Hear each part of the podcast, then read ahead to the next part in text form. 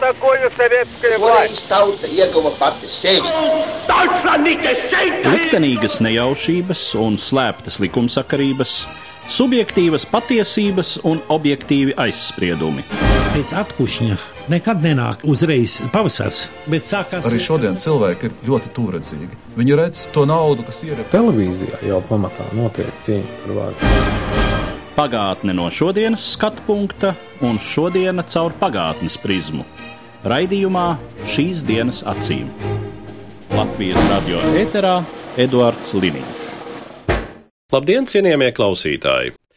3. martā aprit jubileja notikumam, kuru savā laikā vismaz vienā sestajā daļā zemeslodes skolnieki cītīgi apgūta mācību grāmatās, kas šodien varbūt ir mazliet aizmirsts, proti 1861. gadā ar Krievijas cara dekrētu tika atcelta dzimtbūšana. Mans sarunbiedrs studijā - vēsturnieks profesors Gvido Straube. Labdien! Labdien! Dzimtbūšanas atcelšana Krievijā un tagadējā Latvijas teritorija tobrīd arī ir Krievijas sastāvdaļa.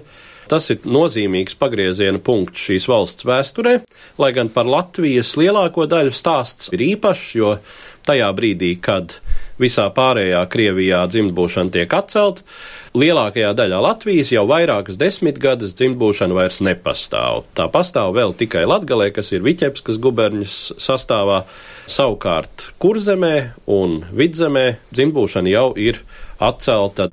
Droši vien, ka pie Latvijas mēs atgriezīsimies vairāk mūsu sarunas noslēguma daļā, bet droši vien jāsāk ar to, kas tad bija dzimtbūšana. Kāda bija šo zemnieku atkarība no viņu kungiem, mužniekiem? Un kas bija Krievijas specifika? Dzimbušana tā ir ļoti sarežģīta lieta, un arī pašā laikā ļoti vienkārša. Un, laikam, tā būtība ir tā, ka cilvēks dēļ kaut kādiem nosacījumiem, apstākļiem, sakrišanas nonāk cita cilvēka atkarībā un pakļautībā un arī īpašumā. Tad mēs skatāmies uz zimbūšanu, kā tā bija Krievijā. Kādas tipiski daudzām lietām Krievijai tā bija ļoti raiba, ļoti diferencēta un ļoti savā izpildījumā dažāda. Mēs labāk zinām, kāda ir dzimbūšana Latvijas teritorijā, vidzemē, kurzemē. Latgalē un skatāmies, kā tas bija Krievijā, tad ir jāņem vērā tas, ka tie dzimbušanas apjomi, jeb tas, cik cilvēki, jeb cik dvēseles, kā toreiz teica, pieder vienam mužniekam, tad tās dimensijas Krievijā neapšaubām bija grandiozas. Ja mēs Latvijā runājam par dažiem simtiem līdz tūkstotim, tad Krievijā tie bija desmit tūkstoši cilvēku. Dabiski, ka mužnieks nevienmēr varēja ļoti rūpīgi kontrolēt katru zemnieku, un līdz ar to ir arī pamats uzskatīt, ka kaut kādos gadījumos lielākai zemnieku masai var būt arī tā dzimbūšana personīgā attiecībā savu kungu nebija tik smaga, jeb tik sajūta, ka tas ir šeit. Jo, nu, dabiski pārsimt cilvēks jau vienmēr mužnieks var kaut kā izkontrolēt. Tad pašā laikā dabiski tas izpildījums ir tās attiecības kaut kādos konkrētos individuālos gadījumos. Dažreiz, dabiski atkarībā no tā mužnieka, kāds tur konkrētajā vietā bija, varēja būt arī dažreiz ekstrēmāk, jo dabiski tā beztiesība, kāda bija zemniekiem un tā pašā laikā patvaļa un varbūt nežēlības izdoma, kāda bija pieejama mužniekiem, tā bija pietiekoši liela un arī kaut kāda uzraudzība Krievijas plašumos bija krietni vājāka, līdz ar to arī kaut kādi ekstrēmi gadījumi varbūt arī tur bija krietni galējāki nekā tas bija šeit Baltijā. Turklāt var ļoti labi redzēt, ka kaut kādai vienai daļai pietiekoši uzņēmīgi un saprātīgi dzimzemnieku Krievijā dzimbušana bija pat nedaudz izdevīga, ja mēs skatāmies uz tādu lietu kā Rīgas tirzniecības attīstību 18. gadsimtā. Tad mēs šeit ieraugam vairākus Krievu tirgotājus, kas patiesībā ir dzimcilvēki, kurus mužnieki laida peļņā un kas nes mužniekiem ļoti labu peļņu šeit tirgodamies ar precēm. Viņi ilgu laiku dzīvoja šajā dzimcilvēku statusā, un kaut arī viņi apgrozīja ļoti lielu kapitālu un dažreiz arī varbūt nonāca konfliktā ar tirzniecības likumiem, arī krimināla likumiem. Tad pašā laikā viņus tiesāt nevarēja, jo viņi piederēja kādam mužniekam, un tas sarežģīja to konkurenci. Tā kā daži no viņiem diezgan labi profitēja. Turklāt interesanti, ka pa spīti tam, ka viņi apgrozīja lielas naudas, un viņi varēja jau arī izpirkties no savas nebrīvas Nevienmēr viņi to steidzās darīt, jo, kā es teicu, viens labs apstākļus bija, esot šajā dzimbūtnieciskajā statusā, viņiem bija tāda, zinām, imunitāte pret likumiem. No otras puses, arī mužniekiem tas nebija pārāk izdevīgi, jo viņiem bija izdevīgi regulāri saņemt kaut kādus maksājumus šeit no Rīgas, nekā saņemt vienu kaut kādu lielāku summu un pēc tam vairs nedabūt naudu. Ja, tā kā bija arī šādas izpausmes, un arī pašā Rīgas tirdzniecībā mēs redzam šo arī dažreiz tādu nu, nosacītu liberālismu Krievijas dzimbūšanas sistēmā. Bet nu, tie bija tie pozitīvākie, jeb humānākie, progresīvākie gadījumi. Jā, ka tas spektrs ir bijis plašs un daudzveidīgs, tas jau tā kā ir diezgan skaidrs. Kaut vai no klasiskās literatūras mēs atceramies, ka Jevgeņijs un Jēgins, kā zināms, savā mūžā, ko Puškins apraksta, nomainīja klaušas pret uh, nelielu obroku, tas ir nelielu zemes nomas maksu, un ar to varbūt izraisījis dažu savu kaimiņu nepatiku. Bet tas vispār pieņemtais tiesiskuma rāmis, kādu mums to zīmē tādi populāri sižeti, un kas daudziem ir vēl no veciem laikiem priekšstatā, no padomi laika mācību grāmatām arī dzen, ka tiešām tā beztiesība ir brīžiem šokējoša, un ka cilvēks tiek uztverts kā lieta. Tā bija faktiski, jā. Un ka muiznieks ar šo zemnieku var rīkoties gandrīz vai kā ar lietu. Tieši tā, jā. Teiksim, Pirkt, pārdot, dāvināt, aizdot. Jā, nu droši vien tomēr nelaupīt dzīvību, neapzināti kropļot. Tur tie likumi bija kaut kā ierobežojoši, bet, nu, dabiski mēs zinām arī daudz gadījumus, kad, diemžēl, šī dzīvība tika laupīta, bet kaut kāda likumdošana dabiski aizsargāja. Un tā saucamā kakla tiesa, tā bija valsts prioritāte. Tur bija minimāla valsts aizsardzība. Bet, nu, citādi, protams, tie stāsti lielā mērā atbilst patiesībai. Kas noteica to, ka šī mužniekiem visnotaļ izdevīgā sistēma tomēr bija jādemontē? Pirmām kārtām, kāpēc Baltijas mužnieki atteicās no savām līdz tam baudītajām privilēģijām attiecībā pret šiem viņu pakļautībā esošajiem dzimtļaudīm, un kas tad noteica to, ka dažus desmit gadus vēlāk arī viss pārējā Krievija nonāk pie šīs nepieciešamības? Lielā, lielā mērā šodien mēs laikam varam tikai mēģināt minēt, mēģināt analizēt un, un izdarīt kaut kādus secinājumus, interpretēt, kāpēc tas tā notika toreiz 1817. un 19. gadā, kur zemē vidzemē, un pēc tam 1861. gadā 3. martā, ja pēc vecā stila laikam 19. februārs bija tas dokumentu parakstīšanas datums visā pārējā Krievijas impērijā. Kas attiecās uz Baltiju, tad laikam tomēr lielā mērā Viena svarīga lieta ir tā, ka šeit tie noskaņojumi par labu dzimbūšanas atcelšanai, jeb par kaut kā tiesību došanu dzimcilvēkiem nobried tieši Eiropas, precīzāk Rietuma Eiropas apgaismības ideju ietekmē un faktiski šie uzskati, ka kaut kas ir zemniekiem jādara, tie parādās jau pakāpeniski 18. gadsimta vidū otrajā pusē, un tad mēs varam atcerēties to pašu aizkrauklis baronu Šulcu Ašarādenu, vēl dažus citus mužniekus, kas mēģināja kaut ko darīt ar saviem konkrētajiem mūža zemniekiem, dot viņiem kaut kādas tiesības, atvieglot viņu stāvokli, padarīt viņus ieinteresētākus.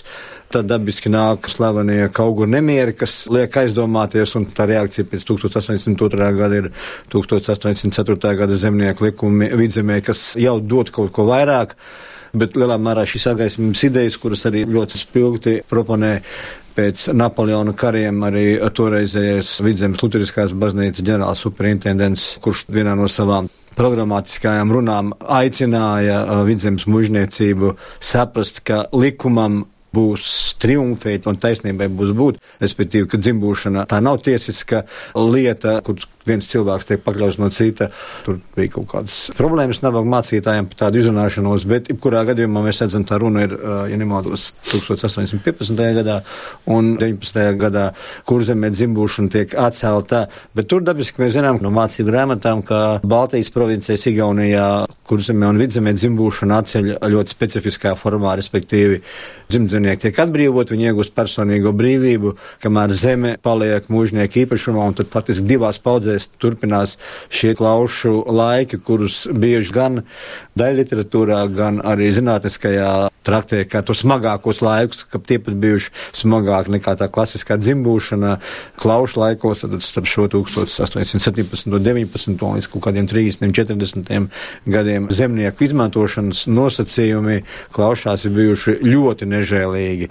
Un tad, ja mēs skatāmies jau tālāk uz austrumiem, Krievijas impērijas plašumus, tad tur laikam svarīgs moments ir Krimas karš, kura laikā, kā uzsver daudz vēsturnieki, esot sāsinājušās šīs iekšējās pretrunas, un faktiski tieši šajā laikā dzimst tā ideja par Krieviju kā milzi uz māla kājām. Tad interesanti, ka 1856. gadā Maskavā, Maskavas mužniecībai un tirgotājiem Aleksandrs II nāk klajā ar kritisku, ja rosinošu programmatisku runu, kurā viņš aicina darīt kaut ko, jo viņš tieši tajā laikā saredz to, situāciju, ko bieži pēc tam marksistiskajā vēstures rakstniecībā izmanto, respektīvi šo krīzi, kad augšas nevar un apakšas negrib. Cārs toreiz teica, ka ja tā tas turpināsies un netiks risināta dzimbūšanas problēma no augšas, respektīvi no valsts, tad no apakšas tad tās risinājums būs krietni nežēlīgāks valstī Tāpēc ir kaut kas jādara. Un tāpēc pēc šī 1858. gada tiek izveidota ar pašu ceru priekšgalā komiteja, kas sākotnēji laikam iet to pašu ceļu, kā tas bija jau iepriekš Baltijā, ka sākumā mēģina kaut ko darīt Tanīs Krievijas provincēs, jau guberņās, kas ir vairāk sagatavotas kaut kādām reformām. Tas notiek tanīs klasiskajās Lietuvas guberņās, Viļņa, Kauņa un Grodņa, kur tad sāk meklēt to reformu risināšanas ceļu, bet, nu, cars aicina arī pārējās guberņas pievienoties, un tad tas darbs turpinās līdz 50. gadu beigām. Un 1861. gads, tas 19. februārs, 3. marts ir tas datums, kad tiek parakstīta no Aleksandra II šī reforma, kas būtiski izmaina ļoti lielas iedzīvotāju daļas tiesisko un faktiski arī ekonomisko statusu Krievijas impērijā. Jārunā par divām dzimtzemnieku kategorijām ir, un proti, pirmā un mazākā ir tātad šie mūžu kalpotāji, kas bija dzimcilvēki, dažādi cieti rakstījumi literatūrā. Citur raksta, ka viņi uzreiz iegūst personīgo brīvību, bet drīkst brīvi pārvietoties pēc diviem gadiem. Citur faktiski raksta, ka pēc diviem gadiem viņi iegūst brīvību un tad viņi var doties, kur viņi grib. Tā ir tā viena kategorija, bet viņi dabiski kā jau mūža kalpotāji relatīvi maziņa grupa. Tā lielākā masa dabiski zemnieki. Tie arī uzreiz ar šo parakstīšanas momentu iegūst personīgo brīvību, iegūst savā īpašumā savu māju ar visu kustāmo mantu, bet tā tālākā problēma bija ar zemes risinājumu. Ja faktiski izveidojās šie divi lauksaimnieciskās zemes veidi, proti kaut kāda daļa paliek mužniekiem, lai viņi varētu dzīvot un būt pabaroti un dot arī valstī kaut kādu labumu, un otra daļa tā ir tā, kas paliek zemniekiem. Bet Krievijā šis risinājums par zemi bija ļoti interesants. Uzreiz 58 un 61 gadu tika saprast, ka Baltijas variants dod tikai zemi un tālāk caur klaušām zemnieku stāvēt pie mūža, tas neies cauri.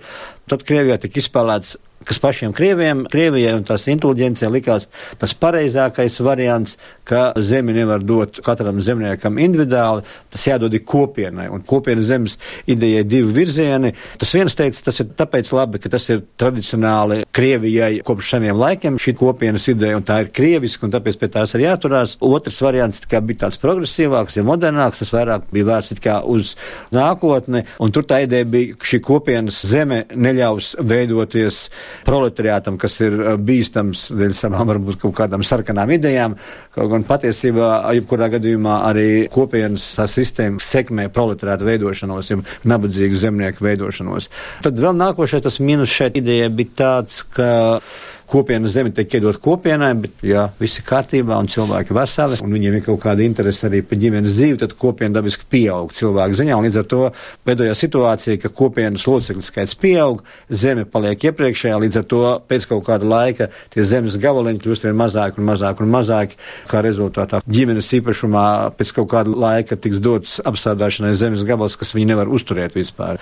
Tā ir tā nākošā lieta, un vēl dabiski jāņem vērā, ka ja zemniekam ik pēc kaut kāda noteikta perioda noņem viņa zemes gabalu, tad viņš nav interesēts moderni strādāt, attīstīt šo zemes gabalu. Līdz ar to tas lietas modernu tehnoloģiju attīstību un ieviešanu lauksaimniecībā. Tā kā faktiski jau šajā idejā bija ielikts kaut kāds tās nacionālais elements, kas pašiem Krievijas pārstāvjiem likās ļoti mīļš un jauks, bet arī pašā laikā viņš ielika dažādas problēmas. Un tad tā kopienas zeme tā tika atņemta mužniekiem un 49 gadu laikā kopienai šī zeme ir jāizpērk ar 6% likmi, un tie 6% tie tiek aprēķināti, tas ir tas, ko mužnieki zaudē dēļ tā, ka zemnieki vairs neies pie viņiem klaušās. Līdz ar to viņi caur šiem 6% gadā uz 49 gadiem iegūs līdzekļus, lai varētu apstrādāt savus zemes gabalus. Tā lielākā problēma laikam bija tā, ka tā dzīve kopienā katra atsevišķa laikam bija atkarīga no kopienas pārvaldītājiem, kas nebija zemnieki un kur mužnieks vispār nepiedalījās un nevarēja nekādīgi ietekmēt uh, kopienas darbību. Bet tā kā kopiena bija atbildīga par daudzām lietām, nodokļu nomaksu un tā tālāk un tā joprojām, tad ar laiku kopiena kļuva ļoti naidīga pret saviem kopienas locekļiem un kaut arī tika paredzēts, ka pēc kaut kāda laika kopienas locekļi var arī doties prom. Viņi to neļāva, jo katra kopienas locekļu aiziešana varēja kopienai radīt zināmas problēmas, lai pildītu kaut kādas saistības, sevišķi šie procenta nomaksas un citas lietas. Tā kā tā realizācija dzimbūšanas atveršanas bija, tas veids bija labāks nekā Baltijā, bet vienlaicīgi mēs redzam, ka kaut kādā attīstībā arī tur bija ielikti zemūdens akmeņi, kas to situāciju sarežģīja. Un laikam arī Aleksandra otrā liktenis ir tāds, ka viņš dabū ļoti smagi ciest tieši no viņa atbrīvoto zemnieku bērniem, kas viņam, varētu teikt, laupa dzīvību. Kā zināms, jā, viņš iet bojā atentātā. It kā tas arī vispār zināmais ir, ka šī reforma vismaz uz kādu laiku ne tikai neaptur, nenoklusina zemnieku nemierus, bet ka tie nemieri pieaug kur acīm redzot ir divi motīvi, ka daļa zemnieku ir gaidījuši daudz ko vairāk no tās situācijas. Un otrs, ka patiešām daļai visnotaļ reāli arī pasliktinās kaut kāda dzīves standarta, cik var saprast. Mm, jā, te ir tā interesanta arī lieta, ka reformas realizācijas veids nebija tas labākais. Tur ļoti interesanti apraksta viens no mūsu līdzpilsoņiem, Pantēnijus, slavens mācītāja dzimts pārstāvs no Zemgals, kuram ir tāda interesanta grāmata, viņa Krievijas vēsture sarakstīja 19. gadsimtā, kur viņš raksta Krievijas vēsturi, orientēties tikai uz valdniekiem, Aleksandrs I un, un, un tā tālāk. Un tad ir nodaļā par Aleksandru II, kur arī par šīm reformām viņš runā, viņš runā arī nedaudz par viņu personību un saka, jā, viņš bija skaists, elegants vīrietis ar labām zināšanām, viņš labi pārzināja valsti, jo viņš bija veicis garus un plašus braucienus pa Krievijas impēriju, līdz ar to viņš zināja impērijas problēmas, bet arī pašā laikā viņš bija viegli ietekmējams un svārstīgs. Un šīs viņa negatīvās rakstura rakstura iezīmes sekmē to, ka viņš bieži mainīja reformas realizācijas ideju un nosacījumus pēdējā momentā pakļaujoties ļoti bieži arī reformu pretiniekiem. Līdz ar to tas iznākums nebija tas optimālākais un tie nosacījumi kopienas sistēmai tīri no tā lauksaimnieciskā viedokļa bija neizdevīgi par sliktu zemniekiem samērā īsā faktiski perspektīvā, jo acīm redzot, nu, kur jau pie otrās paudzes varēja just ļoti izteiktas šīs sliktās lietas, kas ir slikto pusi reformai. Jo dēļ šīs zemes samazinājuma, dēļ šī reketa no kopienas puses, tas pasliktināja tās visas lietas. Tad pašā laikā krietni laikam varbūt veiksmīgāk tas risinājums kopējā reformu sistēmā bija, jo Aleksandru II citreiz arī savs par Krievijas otro reformātoru, pa pirmo laikam domājot Pēteru pirmo, kaut gan man personīgi liekas, ka Katrīna otrā nebija nemaz, ja mēs viņus trīs ņemam, tad nemaz ne tā sliktākā, bet blakus šai dzimšanas atcelšanas reformai dabis tiek veidot šī kopējā dzīve tās reformas, kas attiecās uz tiesu sistēmu paralēli, tās tiek vērtāts kā krietni pozitīvākas un veiksmīgākas no tā viedokļa, ko saņem Krievijas impērijā cilvēki tiesu sistēmā. Faktiski tiek izveidota ekstra tiesa zemniekiem, kas darbojās tikai zemniekiem. Kā civiltiesa tā varēja darboties, nosacīt, varētu teikt, ar simts rublīgām problēmām.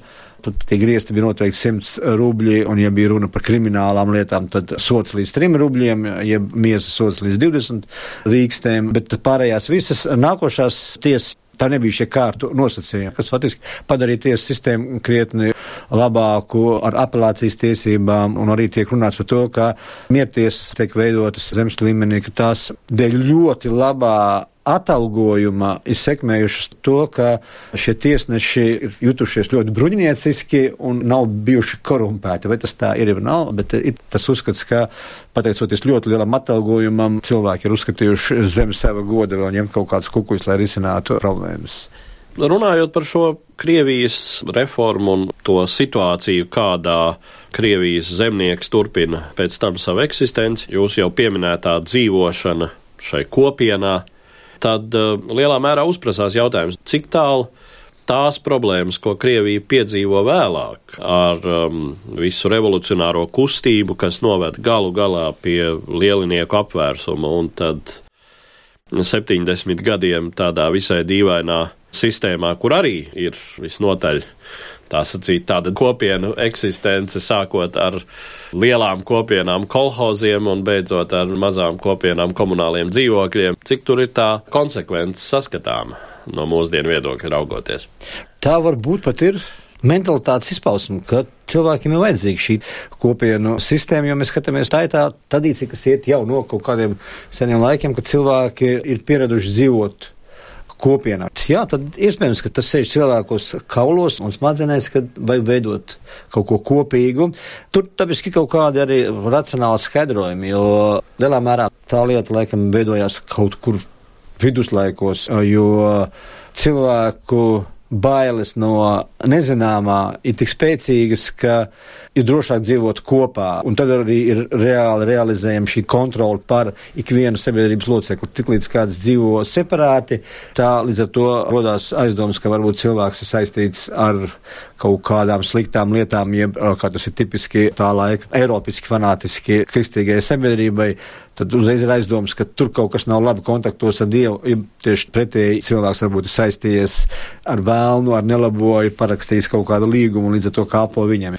Tā ir tā sistēma, kas faktiski izveidojās viduslaikos un kas ir tipiska ne tikai Krievijai, tā tipiski faktiski visai kristīgajai pasaulē, arī Rietumē Eiropai, kad ir jābūt šai kontrolei un varbūt tie visi lielie un, un smagie kari ar tatāriem un dzimbūšana un lielie attālumi un sākot jau ar Ivan IV. briesmīgo šī atrautība no pārējās Eiropas radīja Krievijā šo nezināšanu, ka varbūt var arī kaut ko citu, kaut kā savādāk darīt un nedēļu iespējas.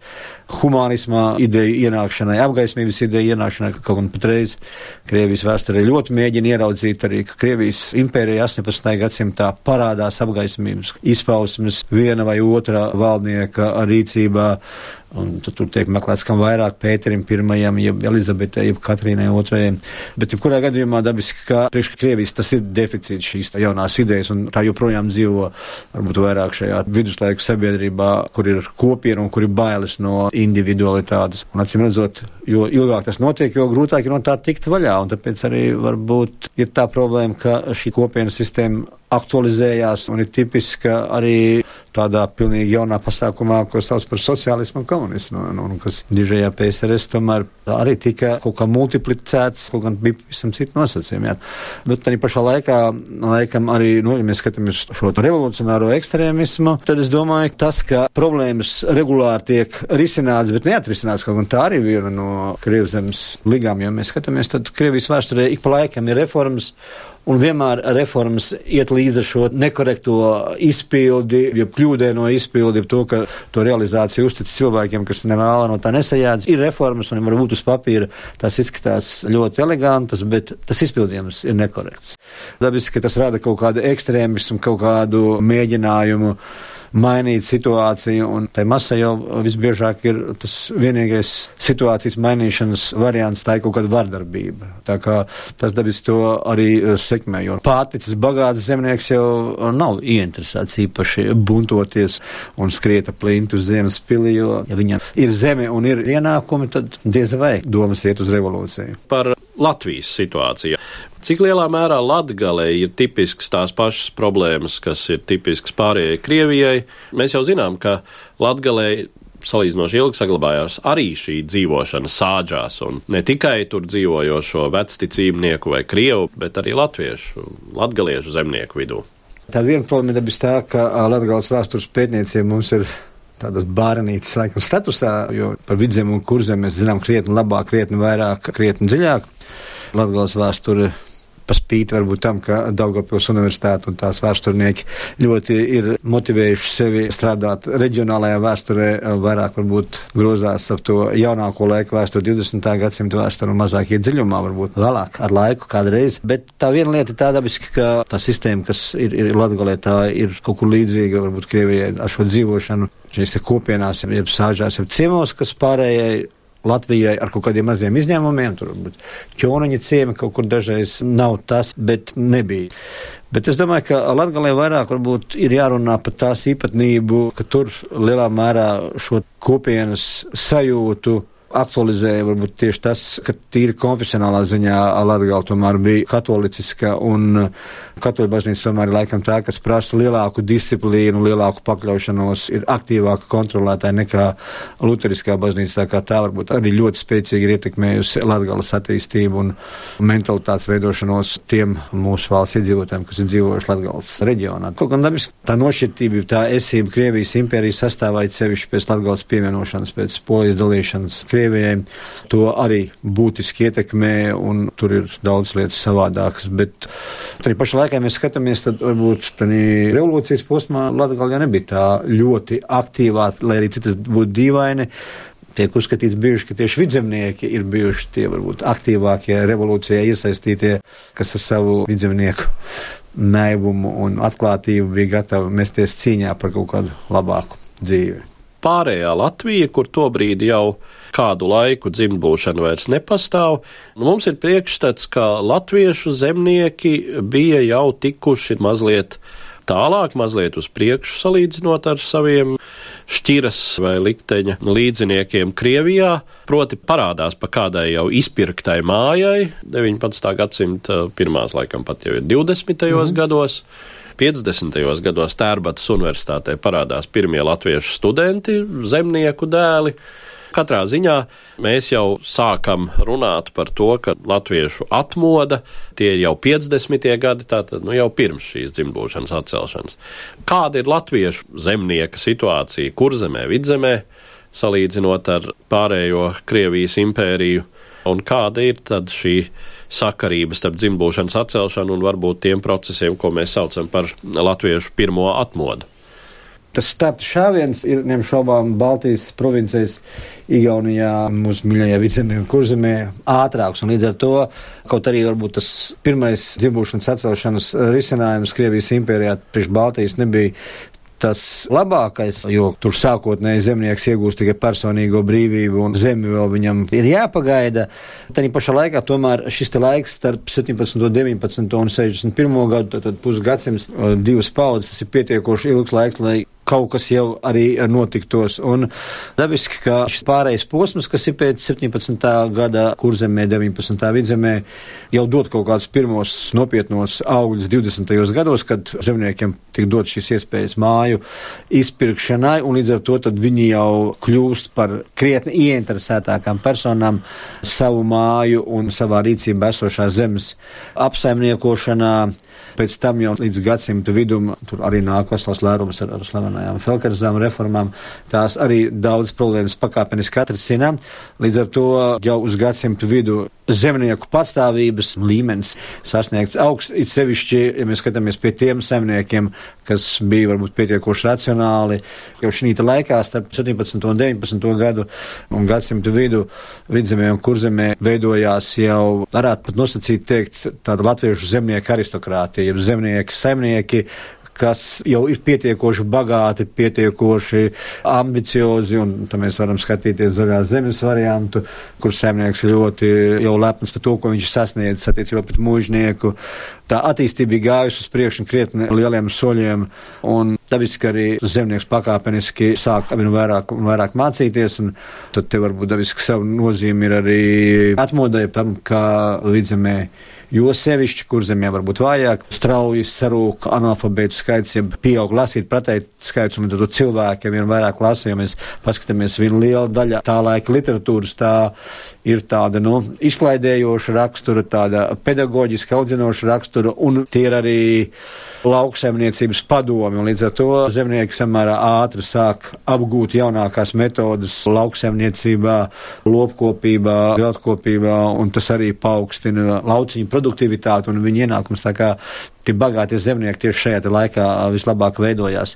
Tam tad ir dabiski arī rezultāts, jo laiku zemnieks sāk saprast, ka viņš grib kaut ko vairāk, viņš var atļauties vien vairāk un vairāk, un tad nonāk arī pie tā secinājuma, ka izglītība ir lielā mērā tas ceļš, caur kuru varētu zemnieka bērni nākošajās paudzēs daudz problēmas atrisināt. Jā, līdz ar to, protams, tas būtiskais secinājums par Latviju, apkopojot šīs dienas raidījumā pārunāto, ir, ka Tomēr tas Eiropas tūms šajā ziņā izrādījās Latvijai vērtīgs un pozitīvs iegūms, kas ļāva ātrāk nekā pārējā Krievijā sākt šos pārmaiņu procesus un arī noteica to, ka ap gadsimta vidu notiek tas, ko mēs saucam par latviešu atmodu, bet motīvi, protams, tam ir ne tikai dzimbūšanas atcelšana, bet arī daudzas citas tādas idejas strāvas, kas arī nāk no tās pašas Eiropas.